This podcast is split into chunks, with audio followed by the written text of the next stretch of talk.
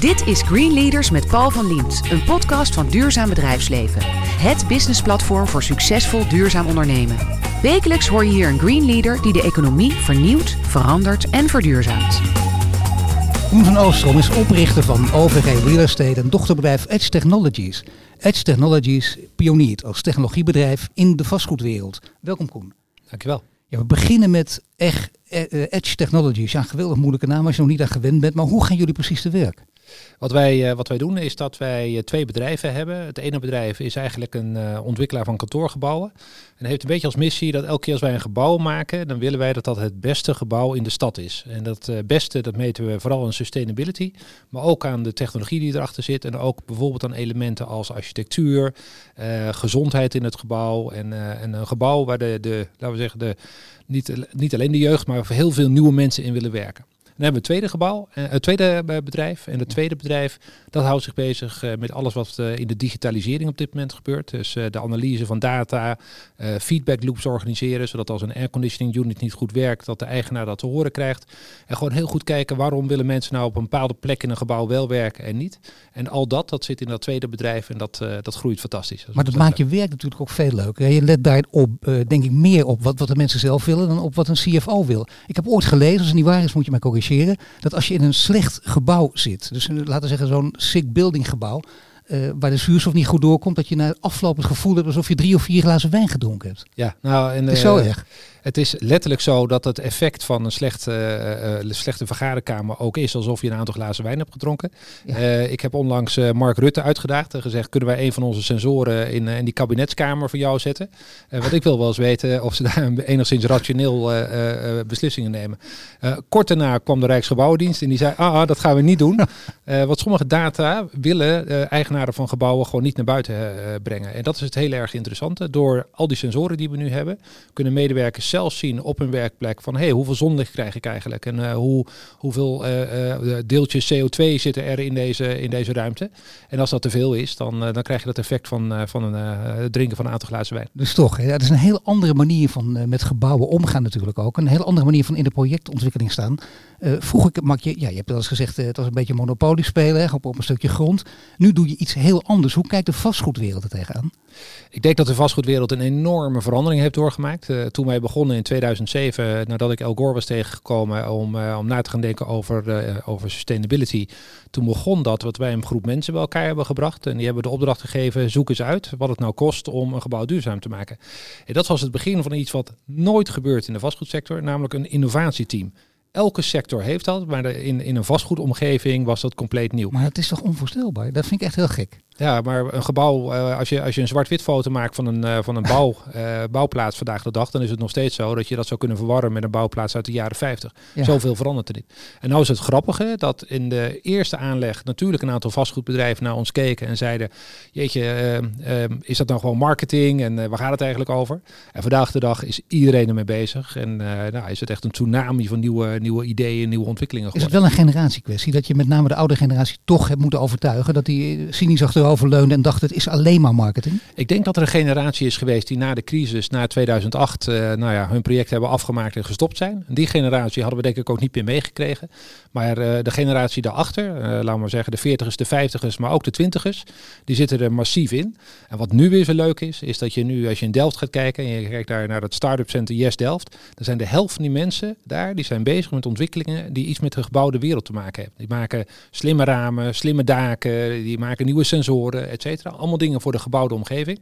En die hebben allemaal als droom om mij weer uit die markt te, te disrupten. En uh, nou, dat, dat gaat ze misschien wel lukken, maar wij moeten opletten en zorgen dat we met ze Oh, dat gaat ook, gaat het echt zo hard? Ja, ja. ja ze zijn nu al bezig om jou te disrupten. Ja, dat probeer Je kijkt altijd toch over je schouder even. gelukkig wel, ja. Gelukkig ja, dat is heel goed. Nee, dat zo hard gaat. Zijn er al sommige waarvan je denkt, daar word ik een beetje nerveus van? Waar wij, uh, waar wij wel uh, van onder indruk zijn, is dat een aantal grote bedrijven zoals Google nog veel beter zijn dan wij om in het analyseren van data en daar de juiste besluiten over nemen. en die zijn nu bezig om bijvoorbeeld in Toronto een stuk nieuw stad te maken. Um, en ik, uh, ik vind dat heel spannend wat ze daar aan doen zijn. Op gebouwniveau denk ik dat wij op dit moment uh, de, het verst ontwikkeld zijn in de wereld. We zien niemand die, die de integratie van die, al die verschillende onderdelen zo goed kan als wij zelf. Dus daar maken we wat minder zorgen over. Maar ja, ik ben een nerveuze ondernemer en uh, word elke nacht wakker en kijk over mijn schouder wie, wie de volgende is. Oh, dat toch wel. Ja. Dus heel veel slaappillen en zo gebruik je. Dat hoort er wel bij bij deze smart cities bouwen. Of deze smart buildings bouwen. iets meditatiever te doen dan de pillen. Maar, maar ja, wakker worden, dat hoort er wel bij als ondernemer. Ja. Wat doe je meditatief? Nou ja, ik, uh, ik heb uh, natuurlijk een van de beroemde uh, TM-cursussen gedaan. transcendente meditatie. Dat is de beste manier om te slapen, denk ik. Dat zou je niet zeggen als je zo hoort praten. Nee, maar wat, wat ik als ondernemer, als je groeit en je gaat in, wij zijn nu in zeven landen actief. En dan is het wel zo dat daar ook, zeker in een vastgoedomgeving, veel stress op zit, veel druk op zit. Je werkt met grote bedragen. en nou, de spanning daarvan, niets beter dan ze nu dan even tien minuten in jezelf zitten. Hoe groot is het bedrijf? Want je zegt je bent in zeven landen actief. Uh, hoeveel mensen werken er? Ja, we hebben ongeveer 125 mensen direct voor ons werken dat zegt niet zo heel veel, omdat wij vele honderden mensen op projectbasis inhuren. En die voor ons bezig zijn om rondom projecten in de architectuur of in het berekenen van, van uh, constructies. Uh, ook, die ook betrokken zijn bij die, uh, bij die projecten. Maar 125 mensen zelf. Daarmee zijn we in Nederland en Duitsland zo ongeveer de grootste kantoorontwikkelaar. Je kan daar op verschillende manieren naar kijken, maar ik denk dat we qua productie daar de grootste zijn. We zijn nu gestart in Amerika, we zijn gestart in Londen, we zijn gestart in Frankrijk. En zo langzaam maar zeker is dat een olievlek die zich uitbreidt. En hoe groot is de omzet? De omzet is uh, ongeveer 500 miljoen euro. Uh, ook dat is een beetje een ingewikkelde vraag, omdat wij veel in partnerships werken. En dan wordt de omzet niet altijd bij ons geteld, maar komt ergens in een consolidatie terecht. Maar als je het daarvoor filtert, dan is het ongeveer een half miljard per jaar. Maar dat we een beetje een idee hebben van de orde van grootte. Behoorlijk groot dus en ja. ook uh, zeer internationaal. Er speelt nog wat mee, wat ook altijd heel erg belangrijk is. Als je met dit soort gebouwen bezig bent, dan denk je, ja, is het ook, het is smart, het is heel slim. Het moet tegelijkertijd duurzaam zijn en beide op hetzelfde niveau. Kun je dat nu al voor elkaar krijgen? Ja, zeker. En ik vind dat uh, het maken van een slim gebouw, dat heeft in zichzelf helemaal geen functie. Uh, hoe cares of een gebouw slim is of niet? Uh, slimheid, dat heeft alleen ja. een voordeel als het ergens toe leidt. Dat toeleiden, dat ja. kan zijn dat het veel goedkoper wordt om het, om het energie-neutraal te maken. Dat kan ertoe leiden dat je veel beter wordt in het gezond maken van een gebouw. Omdat je ziet waar de slechte lucht zit of dat je ziet waar, waar er te weinig daglicht is. Dat soort elementen. maar die smartness om de smartness, dat, dat hebben wij geleerd, dat heeft niet zoveel zin. Nee, dat snap ik ook wel. Maar uh, hoe weet je of iets slim is? Bepaal je dat alleen zelf of bepalen dat ook uh, je klanten of de mensen die in het gebouw gaan werken of wonen? Wat wij zien is dat onze klanten aan ons vragen van nou, ik wil wel een gebouw wat energie-neutraal is. Ik wil ook wel een gebouw wat super slim is, maar ik wil er niet meer voor betalen. Uh, helaas uh, zeggen wij wel eens, want ja. we zien dat het ziekteverzuim naar beneden gaat. We zien dat er heel veel indirecte voordelen aan zo'n gebouw zitten. Maar toch, daar is dan de CFO weer die dan toch zegt, nou, ik wil, ik wil dat het op dag 1 al gewoon niet duurder is dan een ander gebouw. En daar is dan die technologie voor. Om een voorbeeld te geven, als je nou een gebouw, gebouw wil verwarmen en wil koelen, dan kun je dat gebouw als één unit zien. Maar als je elke vierkante meter een sensor hebt en je hebt een hele slimme airconditioningsinstallatie, dan kun je dat ook per vierkante meter organiseren. Nou ja, en dan ga je zien dat op een vrijdag, uh, in Nederland werken dan niet alle mensen. Nee. En dan is het vaak mogelijk om in een gebouw, dat hebben we ook bij de Edge gedaan, één of twee verdiepingen niet te gebruiken. Nou, dat effect dat levert ontzettend veel voordeel op in het uh, energieverbruik. Jullie uh, bedrijf, Edge Technology, is natuurlijk een, een, een, geheel nieuw bedrijf. Je hebt een beetje geschetst welke kant het op gaat. Soms wordt het ook vergeleken met Uber. Vind je dat een, een terechte vergelijking? Uh, nee, nee, nee. Nou, we, we, we, wilden in het begin een beetje je ervoor of niet? disruptief zijn. Ja. En, uh, ah, het is lastig. Dus hebben Uber ja. zoveel dingen misgegaan. Uh, ik ja, vind het zeker. knap hoe snel ze gegroeid zijn. Wij houden ons graag wel aan de wet. toen de, die Uber-vergelijking langskwam, dacht ik van nou, wat kunnen wij leren van Uber? Waarom beginnen wij niet met bouwen zonder bouwvergunning? Dat is eigenlijk wel lachen, want wij vinden dat systeem van bouwvergunning in de wereld nogal ouderwets en achterhaald. we dachten, we kunnen dat veel beter. Aan de andere kant, als je dan van Uber hoort wat er, wat er nou, verder toch al met dat bedrijf ook misgaat, dan, dan is het beter dat we gewoon met onszelf vergeleken worden en niet met, met dat soort bedrijven. Nou vragen wij in deze serie ook aan andere mensen die ik geïnterviewd heb, wat heb je voor vragen aan degene die de volgende is? En toevallig was degene die ik voor jou sprak, was Xandra van Uffelen. En je weet wie het is, dat is mevrouw van het GVB, hè, gemeentelijk vervoerbedrijf in Amsterdam. Oud-wethouder in Rotterdam. Precies, want hoe noemt ze jou? Nou, voor mijn uh, oude Mattie uit Rotterdam, die inmiddels tot grote hoogte is uh, gestegen, hij gaat echt van bloos inderdaad. Het is hier donker, maar ik zie het toch. Nou, dat is een heel goed teken. Maar ze meende dat echt. Uh, ik, heb het, ik heb het gesproken. Ze zei toen ook... Uh, denk ik een vraag die gaat over de combinatie van het werk wat we doen. Hoe je als projectontwikkelaar ook kunt nadenken over de vraag... niet alleen maar hoe je een mooi gebouw maakt of een mooi gebied... maar hoe we samen kunnen zorgen dat de, de mobiliteit, de bereikbaarheid van zo'n gebouw ook beter wordt. Een van de dingen die wij zijn gaan doen in, uh, in die Edge-gebouwen is uh, om uh, bijvoorbeeld medewerkers van Deloitte de mogelijkheid te geven om zelf te bepalen waar ze op een dag willen werken. En het gebouw kan dan ook vertellen aan een medewerker van goh, er is een ongeluk gebeurd op de A2. u woont in Woerden, waarom werkt u vandaag niet in Utrecht in plaats van in Amsterdam, waar iemand bijvoorbeeld naartoe onderweg was. En wat je merkt is dat als die gebouwen slim worden, uh, en die verkeerssystemen slim worden. En je weet dat mobiliteit een belangrijk onderdeel van je dag is. Dan kun je heel veel heel makkelijk dingen bij elkaar gaan brengen. Wij willen gaan samenwerken op de Zuidas met een aantal eigenaren om parkeerplaatsen met elkaar te gaan delen. Uh, daar heb je dan wel een, uh, een, infrastructuur voor nodig van een slimme stad. Ik denk dat het GVB een, een centrale rol daarin heeft. Ja. Wat ik wel lastig vind is dat er nog steeds veel partijen zijn die heel wantrouwend zijn in het delen van informatie. Uh, er is Welke wel, partijen zijn dat? Nou, bijvoorbeeld de gemeente Amsterdam. Uh, die, die willen aan de ene kant heel graag. Maar uh, ja, zijn ook wel huiverig dat, om samen te werken met marktpartijen. En ik, ik denk dat de sleutel bij die marktpartijen ook ligt. wij moeten garanties afgeven dat we op een juiste manier met data omgaan. We willen ook geen individuele data hebben, alleen maar samengestelde data. maar daarmee kunnen we dan wel veel voordelen voor de stad bieden. Je hoort Koen van Oostrom. En Koen van Oostrom is de oprichter van Edge Technologies. Net vertelde hij over de vernieuwing eh, van Edge Technologies in de vastgoedmarkt. De vernieuwing die ze daar gebracht hebben. En nu gaat hij vertellen over zijn persoonlijke drijfveer, zijn motivatie.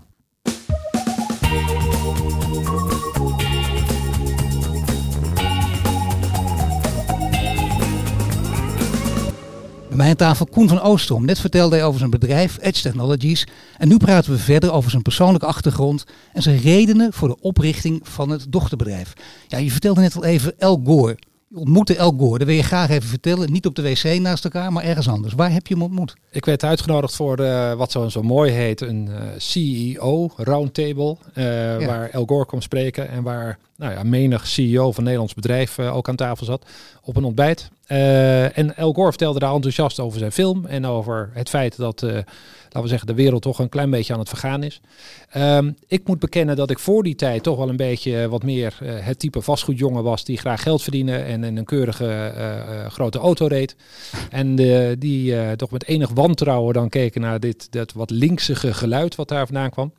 Maar hij was, hij was erg overtuigend. En je mocht toen vragen stellen. En ik heb hem de vraag gesteld van, joh, maar is dit nou iets wat, wat het bedrijfsleven aangaat?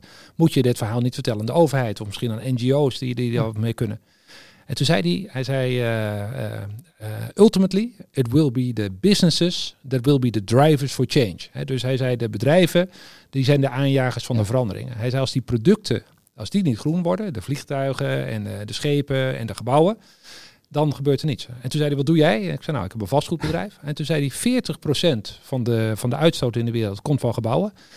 En dat niet alleen. Als je nou 1 dollar ergens wil investeren, dan is het rendement in een gebouwde omgeving het grootst. Als je een dollar wil investeren in een, uh, in een groene verbetering. Nou ja, toen zijn wij naar huis gegaan en toen dacht ik, oh, oké. Maar wij uh, naar huis gaan, jij met El Gore of toch? Uh, nee, nee, nee. nee, nee, nee, nee was het maar zo. ik heb hem wel vorig jaar weer, sprak ik met hem op een conferentie. En, uh, en uh, nou, het is ook weer niet zo dat we hele goede vrienden zijn, maar hij vroeg hoe het ging. En uh, toen heb ik op het verhaal verteld dat hij zo'n inspiratie was geweest. En het zou nog kunnen zijn dat hij investeerder gaat worden in ons bedrijf. want hij vond met name het digitale gedeelte waar we mee bezig dat zijn. Dat speelt nu op dit moment. heel erg interessant. En dat, dat, dat was, dat was leuk om hem weer te zien en te zien hoe bevlogen die is. Ja, je hebt ook, maar dat, dat gaat natuurlijk nog een stap verder dan alleen maar vriendschappelijk contact en gewoon gegevens uitwisselen. Maar ook echt is een, een reële mogelijkheid dat ook hij in het digitale gedeelte mee gaat investeren. Ja, eh, dan moet je met niet te veel bewondering zien. Hij is gewoon een hele slimme investeerder. En ook wel iemand die in staat is om uh, iets in beweging te brengen. En dat ook vanuit een goed hart doet. Maar ook in staat is om daar uh, de goede investeringen mee te doen en daar zelf ook gewoon geld mee te verdienen. Maar de ideale combinatie zou ik bijna zeggen, toch? Ik, win-win, people, ja. planet en profit, die drie horen bij elkaar. En uh, dat, dat, daar zijn we voor. Maar ik vind het wel heel bijzonder. Je bent echt door hem gegrepen. Het is niet zomaar een verhaal. Het, is niet, uh, het klinkt als een mooi verhaal, maar zo is het letterlijk gegaan. Dat betekent dat er behoorlijk wat gebeurde in je leven. Ja. Dit is een echte omslag ook. Ja. Ben je even geschrokken dat je dacht, wacht, ik was groen rechts, ik word nu groen links? Was het toch ook niet zo? Nee, ik was rechts en ik werd groen rechts, uh, zou je kunnen zeggen. Groen links. Uh, nee, kijk, het, probleem is duidelijk. En dan is de, grote vraag in de maatschappij: wie kunnen dat het beste oplossen? En daar ben ik een optimist die denkt: het bedrijfsleven kan dat het beste oplossen. Maar niet alleen, dat moet in een samenspel met de politiek. De, daar hebben NGO's zoals Greenpeace, die hebben daar ook een rol in te vervullen. Die houden ons scherp en die moeten ons wakker houden. Maar die interactie moeten zijn. Op het moment dat die niet samenwerken, maar tegen elkaar werken, dan uh, ben ik bang dat, dat het veel langer duurt voordat de oplossing komt. Nou, Dat denk ik, nou denk ik dat het lastig is hè, op het moment dat jij terugkomt met, met dit enorme enthousiasme. En je weet ook zeker, er is iets, eh, een, een zaadje geplant en dat gaat niet meer weg en dat moet groeien. Ja, dan moet je het overdragen aan je bedrijf. En, en die denken misschien eh, is Koen gek geworden. Ja, nou dacht ongeveer de helft. Eh, dat valt mee. Helemaal omdat eh, eh, op de weg terug had ik een auto geleend van Peter Bakker. Die had een Toyota Prius in die tijd. En eh, die zei ik van, goh, mag ik je auto lenen? Want ik ga morgen op kantoor en iedereen uitleggen dat het anders kan. En die Toyota Prius, eh, de- daarvan heb ik gezegd, jongens, we gaan al jullie BMW'tjes gaan we inleveren. En iedereen gaat in een Prius rijden, want wij gaan duurzaam. Dat heb ik misschien eh, niet super handig gedaan, want er waren een aantal jongens nogal gehecht aan die auto. en, eh, en wat minder aan die, eh, aan die Prius. Maar toen was het leuke dat een dag later een van mijn medewerkers terugkwam en die zei... Ik heb eens even naar die Prius gekeken. Ik vind dat een lelijke auto. Nou, toen raakte ik geïrriteerd en zei maar... Wist je dat eh, de Mini, de Mini Cooper, dat die veel minder CO2-uitstoot heeft nog dan een Toyota Prius? En ehm, daar kunnen we waarschijnlijk een deel mee doen. Dan hebben we een hippe auto die ook nog eens goed is voor het klimaat. En dat is een beetje de metafoor geworden van onze benadering. En dat heeft ervoor gezorgd dat er heel veel mensen in dat bedrijf wel enthousiast werden en wel meegingen. Tuurlijk, daar begint het mee, maar dan moet je echt een omslag teweeg brengen. Dan moet je nog veel meer voor elkaar krijgen. Zit jij dan echt zelf heel scherp op de bal? Of sta je op een afstand en laat je dat bijvoorbeeld aan managers over? Ja, beide. Ehm, wij hebben een aantal doelen gesteld. Eh, Dat duurde even voordat we de doelen snapten. Ehm, maar we zijn eh, gaan werken met een aantal, eh, een aantal regelingen, een aantal modellen waarin je kan meten hoe duurzaam een gebouw is. En daar hebben we gewoon een minimumnorm aan gesteld. Dus je hebt het LEED systeem in Amerika. En wij hebben gezegd, we gaan gewoon LEED Platinum gebouwen maken. Nou, wat is nou het voordeel? We hebben hele slimme ingenieurs in het, in het bedrijf. Die gaan dan opzoeken wat kost het om zo'n ding te maken. Hoe kunnen we dat weer goedkoper maken? Wat kunnen we aan efficiënties vinden? En in no time hadden ze de doelen bereikt. Dat, dat is indrukwekkend om te zien. Dat snap ik. Dat zijn de ingenieurs. En je werkt ook nog met economen. En die werken op de bekende plekken. Vaak in Rotterdam natuurlijk. Die werken vaak in, in Delft. Ko- Komen, oh, daar hebben ze gestudeerd. En daar komen ze vandaan. Daar werken ze trouwens ook. Maar je hebt ook psychologen bijvoorbeeld aangenomen. Dat Ja. lijkt me best een schok in deze omgeving. Ja, dat was wel een beetje een schok. En eh, je merkt ook dat, dat het een tijdje zo was dat, dat de mensen waren die werkten aan projecten. Eh, en die, die keken een klein beetje neer op de mensen die niet aan projecten werkten, maar die bezig waren met het bedenken van, van ja, nou, nieuwe modellen. Eh, hoe gaan mensen om? Hoe bewegen ze in een gebouw? Waarom nemen mensen groene banken, niet een blauwe bank? En al die datapunten die wilden we hebben. Maar dat vonden ze moeilijk. Eh, Uiteindelijk bleek wel dat, eh, dat eh, op een keer was er een CFO van een groot bedrijf. En eh, die was super geïnteresseerd in de presentatie, in dat psychologische verhaal. En dat bracht de deal. En dan zie je ook die economen wel denken van, oh, maar klaarblijkelijk die dame die hier al dat onderzoek gedaan heeft naar de arbeidsplek en, en waarom mensen welke keuzes maken, dat blijkt toch wel te helpen. En eh, dan zijn ze ook niet gek, dan zijn ze vrij snel. Ja, het is wel interessant. Het klinkt een beetje zoals je in politieonderzoek vaak zoekt. En dan komt, zijn eh, de keiharde mannen en vrouwen. En dan komt er een profiler binnen. Ook de, de softe psycholoog. Maar die krijgt dan toch een goed daderprofiel voor elkaar. En dan werkt dat. Zo kun je dat vergelijken. Ja, zeker. We, we hadden ook iemand werken en eh er was een beetje een anoniemer medewerker. Eh, maar op dag één zei hij al van, goh, ik heb het nooit verteld, maar ik werkte vroeger bij Greenpeace. En ik ben een specialist in eh, klimaatmodellen. Ik heb natuurkunde gestudeerd en ik wist dat helemaal niet. En vervolgens is hij aan de bal gekomen om dat, om dat innovatieve onderzoek te leiden. En dat leidde tot een enorme, enorme opleving van die persoon, die met heel nieuw zelfvertrouwen aan het werk ging in het bedrijf. Daar moesten sommige mensen aan wennen, maar eh, vervolgens leidde dat tot, eh, tot enorme besparingen in die duurzaamheid. En dat was eh, voor iedereen goed. Ik wou net zeggen, interessant hè, dat een echte klimaatactivist ook erbij betrokken. Daar is het wel bij eentje van Greenpeace gebleven of niet? Of zijn ze massaal overgestapt? Nou, het is nog steeds wel zo dat een, een klein beetje activisme vinden we mooi. Maar ja, we blijven ook nog wel een bedrijf waarin we gewoon in contact moeten blijven met de klanten. goed samen moeten werken. Goed samen moeten werken met gemeentes. Ja, elke keer bij elke beslissing je weer afvraagt van hoe ver kunnen we in dit geval weer dat, dat gebouw verder pushen om het beter te maken. Eh, maar soms breekt het ook wel eens af. Eh, als ik één voorbeeld mag geven. We hebben een gebouw gemaakt in Noord-Amerika voor Unilever. En eh, we wilden daar een helemaal energie-neutraal gebouw van maken. Maar dan moesten we wat meer investeren. Zei de CFO van Unilever, ik heb daar het geld niet voor. Zeiden we, maar dat heb je ook niet nodig. Want de lagere energielasten, die, die, die zorgen ervoor dat je, dat je over de volgende 15 jaar lagere kosten hebt. Zeiden ja, maar dat garandeert niemand. En toen zei ik, nou ja, zoals, eh, zoals dat kan. We doen dat toch. Wij garanderen dat. Wij garanderen die lagere energierekening voor jou.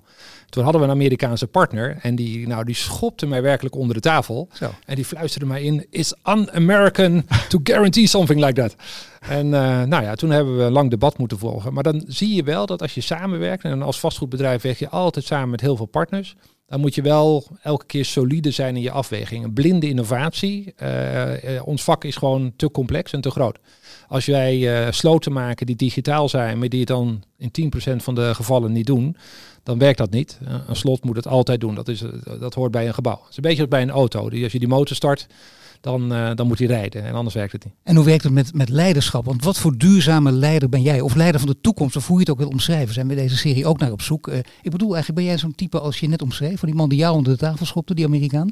Doe jij het heel anders? Nee, ik, ik, ik zit daar wat. Uh, ik probeer het iets meer op overtuiging te doen. Toch? Uh, ik, mijn, mijn fout is wel eens dat ik een beetje voor de troepen uitloop. En dan heb ik het voordeel gehad dat ik op een conferentie ben geweest in New York of in Davos ben geweest. En dan, heb ik, uh, dan ben ik beïnvloed door mensen zoals El Gore. En dan kom ik terug en dan zeg ik: Oh, ik denk dat we in de toekomst dit en dit allemaal nog kunnen doen.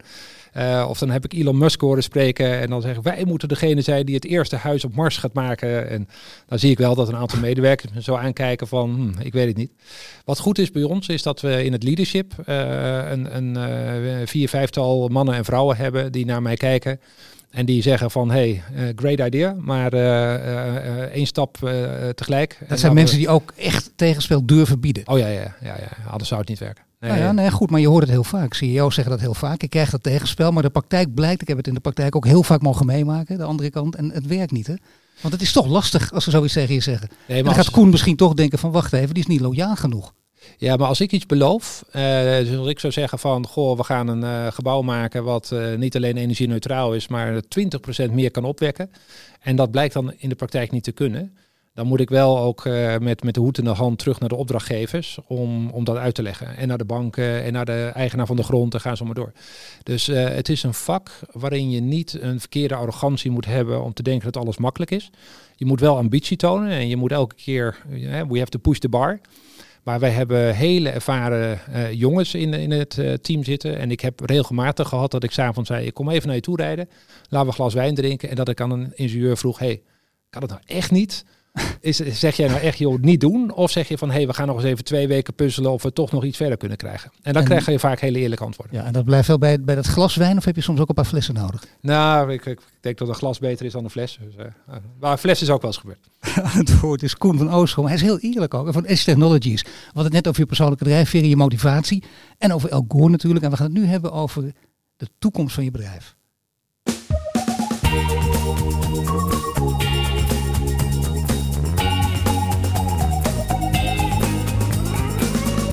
Bij mij hier Koen van Oostrom. En net spraken we over zijn motivatie, over de koers van OVG Real Estate, om, om, die om te gooien.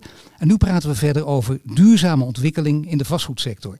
Ja, hoe duurzaam is de vastgoedsector? Met andere woorden, is doorgedrongen dat duurzaamheid big business is? Uh, ik, ik, vind dat twee verschillende vragen. Uh, ik denk dat uh, duurzaamheid in Nederland zeker is doorgedrongen. Ik denk dat alle nieuwe projecten enorm veel beter zijn dan dat ze tien jaar geleden waren probleem in Nederland is wel, en het probleem is nog veel groter in de rest van de wereld, dat de bestaande voorraad uh, nog steeds de bestaande voorraad is. Wat iets is waar ik enorm op, uh, enthousiast over word, is dat Nederland een van de eerste landen in de wereld is. Die heeft gezegd, over een aantal jaar, in 2023, mag je geen gebouw meer verhuren wat niet een bepaald energielabel heeft. Ik denk niet dat iedereen dat al uh, beseft, maar er moet massief geïnvesteerd worden in ongeveer de helft van de gebouwen in Nederland om dat voor elkaar te krijgen. En dat is goed nieuws. Dat is heel goed nieuws, ja. Dat is uh, vooral als je het weet ook en als je daarop kan inspelen. Heb jij het idee dat er in deze wereld ook veel spelers zijn, misschien wel van jouw niveau, die dit nog niet helder voor ogen hebben? Uh, ik denk dat, uh, dat er een verdwaalde eigenaar van vastgoed is die dat zeker nog niet doorheeft. Ehm, ik merk wel dat aan de professionele kant van, van de vastgoedsector, en die vastgoedsector is in de laatste jaren ook heel veel professioneler geworden, dat daar iedereen weet wat er gaande is en daar bovenop zit en mee bezig is. Nou speelt er nog iets. Je hebt geld nodig en steeds meer geld en heel veel hele grote bedragen. Uh, betekent het dat, dat je banken nodig hebt of juist niet meer nodig hebt en dat je het volledig van investeringsfondsen moet hebben? Uh, wij hebben nog steeds, uh, wij gebruiken nog steeds beide. De afnemers zijn nog steeds die grote investeringsfondsen, maar de, de ontwikkeling zelf die wordt vaak gefinancierd door banken. Um, dat, gaat, dat gaat eigenlijk heel goed omdat die banken blij zijn als ze een heel duurzaam project kunnen financieren. Het is wel zo dat er in Nederland een beetje weinig concurrentie is op dit moment. er zijn drie grote banken. Die hebben allemaal wel een beetje een maximum wat ze kunnen doen. ja, ze lijken ook heel erg op elkaar natuurlijk, die banken. Dat is het, de grote. Maar ze lopen, ze lopen internationaal erg voorop. Uh, we zien de drive voor sustainability uh, die we zien in Nederland. Die zie je in Duitsland of in Amerika niet terug. Zeker niet in Amerika. Dus je kunt zeggen, je zou kunnen zeggen, op internationaal niveau zouden we iets trotser kunnen zijn op onze banken? Ja, ja ik, vind dat het, uh, ik vind het soms lachwekkend dat wij in Nederland bankiertjes aan pesten zijn. Terwijl als je nou internationaal kijkt, dan is uh, bijvoorbeeld een ING het voorbeeld van duurzaamheid en digitalisering. Nou, dat Ralf Hamer soms wel eens wat onhandig zegt, dat is, uh, dat is één ding. Maar we hebben net zijn hoofdkantoor gemaakt. Dat is een voorbeeldproject van, van wat je kan noemen een modern gebouw. en daar, nou, ik wil niet een, een, een eindoordeel over hem vellen, maar ik vind dat hij de hele positieve dingen voor zijn bank gedaan heeft. Nou zijn natuurlijk investeringsfondsen ook van heel groot belang. Hè? Echt van heel groot belang zelfs. En daar kun je heel veel geld vandaan halen. Ik heb begrepen dat jij van een Amerikaans investeringsfonds, of dat je bij zo'n fonds, een miljard hebt opgehaald. Ja. Zo. Ja, dat klopt. Ik dacht dat ik het verkeerd las, maar dat is, dat is gigantisch. Nee, maar onze projecten zijn ook heel groot. Dus uh, we hebben nu een aantal projecten die ja. boven 500 miljoen euro zitten. Nou, daar passen er twee gebouwen in zo'n fonds. Uh, dat fonds is ook bijna vol. Uh, en we zijn eigenlijk alweer aan het kijken of we dat fonds kunnen uitbreiden of dat we met andere partijen nieuwe fondsen kunnen opzetten. En wat voor afspraken maak je met die fondsen? Want ik bedoel, op basis waarvan geven ze dat geld? Ze kennen jouw track record natuurlijk, ja. dat is geld. Maar dan nog. Eigenlijk zeggen die fondsen, wij zijn bereid om jou geld te geven. Wij zijn bereid om jou heel veel vrijheid te geven. Wij zijn zelfs bereid om jou op risico deze gebouwen te laten bouwen. Zonder dat er aan de voorkant misschien al een huurder bij is. Maar er is één voorwaarde, het moet het beste gebouw worden. Dus het moet energie-neutraal zijn, het moet gezond zijn, moet smart zijn. Onder die randvoorwaarden willen wij ook werken. En dat gaat ontzettend goed samen. Maar gaat het echt om dit soort, je zegt dit soort randvoorwaarden? Kun je die bijna op een A4'tje gewoon uh, aftekenen en met elkaar bespreken, omdat je elkaar kent en weet dat dat genoeg is? Of gaat het echt om de harde details? Nou, dat begint met een A4'tje en daarna komt er een hele divisie van uh, ingenieursbureaus zoals Arab die uh, vliegen binnen. En dat eindigt dan met uh, letterlijk 500 pagina's bijlagen waarin de laatste schroef beschreven staat. Soms ook wel tot onze irritatie, omdat uh, als je nou een sensor wil hebben, en ik ga nu beginnen met een gebouw, dan duurt het vier jaar voordat het gebouw klaar is. Die sensor die ga ik pas in het vierde jaar bestellen, omdat die sensorontwikkeling zo snel gaat. Die, uh, de, jongens van Arab uit Londen, die dan in dat fonds meekijken, die willen vandaag omschreven hebben wat voor, wat voor sensor erin komt. daar zit toch wel eens wat, wat spanning tussen de oude wereld van vastgoed en de nieuwe wereld van vastgoed. Nou ja, wat spanning, dat lijkt me een hele grote spanning, maar dat geeft niet zo'n mis. We weten heel goed wat jij nu bedoelt. Nou gebeurt er nog meer op de, in deze wereld, want je hebt het over de gebouwen steeds. We hadden het net in het begin van het gesprek ook al even over, over de cities, de steden van de toekomst. Dat is iets, denk ik, waar jij je ook graag mee wil bemoeien. Of, of blijf je daar veel buiten? Wij zouden het heel graag willen. Wat we vandaag de dag wel zien is dat de, de steden uh, waar je daadwerkelijk echt helemaal opnieuw kunt beginnen, dat is veel in Azië. En in Azië is het voor ons niet heel erg makkelijk werken. Uh, dus we, we hebben wel eens meegekeken naar een Chinees project. Uh, in India gaan ze een aantal nieuwe steden bouwen. Die hebben ons gevraagd om mee te denken. Uh, allemaal lastig. vorig jaar wilden we in Saudi-Arabië gaan kijken. Neom wordt daar gebouwd. En, wat een, een enorm initiatief is. Maar goed, mensenrechten in Saudi-Arabië is ook wel weer iets waarvan je dan denkt van nou Gaan we daar nou vol in of, of doen we daar voorzichtig mee? Niet echt duurzaam, hè? Hoe ze daar met nee, de mensenrechten omgaan. Ja, nee, dat is, uh, dat is een ander ding. Maar China dan? Ik bedoel, wat, wat is dan echt wat je weer houdt? Want er zijn natuurlijk heel veel mensen die daar toch geweldig kunnen werken. Heel veel architecten die er ook heel goed ja, kunnen werken. Die architecten die hebben één voordeel. En dat is dat als er iets gebeurt, dan, nou, dan pakken ze hun spullen op en dan komen ze weer terug naar Nederland. Het is voor ons zo dat wij honderden miljoenen in een project investeren in een land waar eigenlijk de rule of law toch afhankelijk is van, van de politiek, van de politieke partij. Um, en uh, onze adviseurs die hebben ons toch wel eens een beetje gewaarschuwd van nou, je kan daar wel een adviserende rol hebben, zoals architecten dat in zekere zin ook doen. Maar als je daar echt eigendom wil hebben, ja, dan moet je hele goede partners hebben. Tot nu toe vonden we het makkelijker om in Europa te groeien en in Amerika te groeien dan, uh, dan in China. Ik hoop uh, dat het in de toekomst gaat veranderen. Ja, omdat buitenstaanders natuurlijk al heel makkelijk roepen. God, Koen, wat leuk, maar je weet of de grote wereld het is. Dat is pas een groeiproject. Dan moet je toch een beetje lachen om deze redenen. Ja, dat is waar. Dat is waar. Uh, er worden in Nederland misschien een miljoen vierkante meter per jaar gebouwd. Ik denk ja. dat dat in China per dag gebeurt. En ja, er, er, is zoveel meer productie daar, er is zoveel meer gaande. Dat dat is een interessante markt. Als ik je zo hoor, denk ik echt een waanzinnig mooi vak. Bovendien uh, loop je voor de troepen uit. Ik snap dat het lastig is. Hè, omdat dat, dat, je weet al veel eerder wat er echt gaande is, anderen niet. Daar word je ongeduldig van.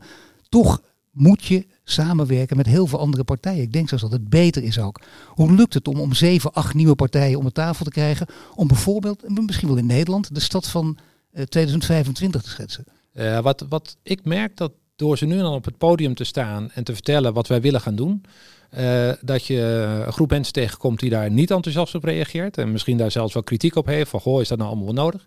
En een aantal mensen die je dan de volgende dag bellen en zeggen. Ah, oh, ik wil dolgraag samenwerken. Want ik denk inderdaad dat dat is waar, uh, waar de markt naartoe gaat. Het is eigenlijk heel simpel. Als je werkt met de mensen die erin geloven, dan gaat het, uh, dan gaat het vanzelf.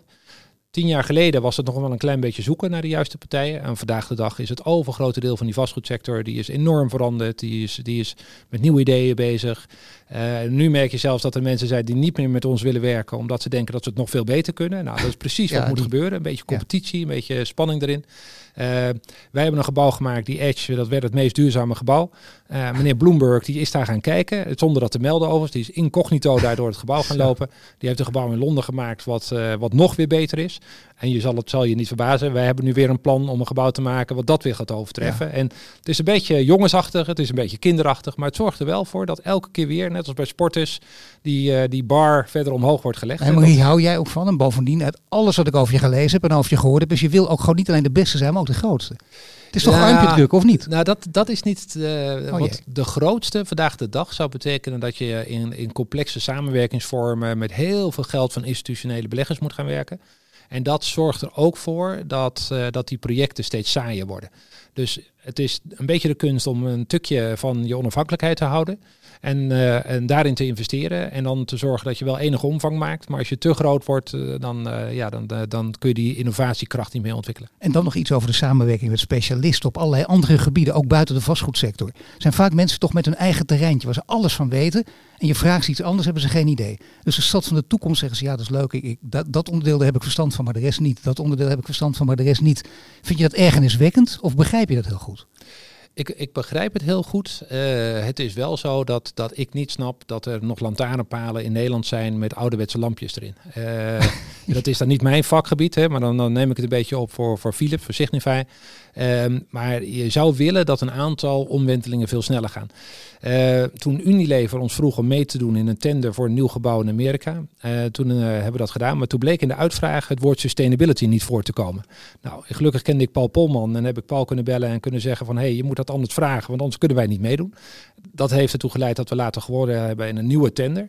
Maar er zijn nog steeds heel veel tenders waar, waar sustainability niet in voorkomt en, of digitalisering niet.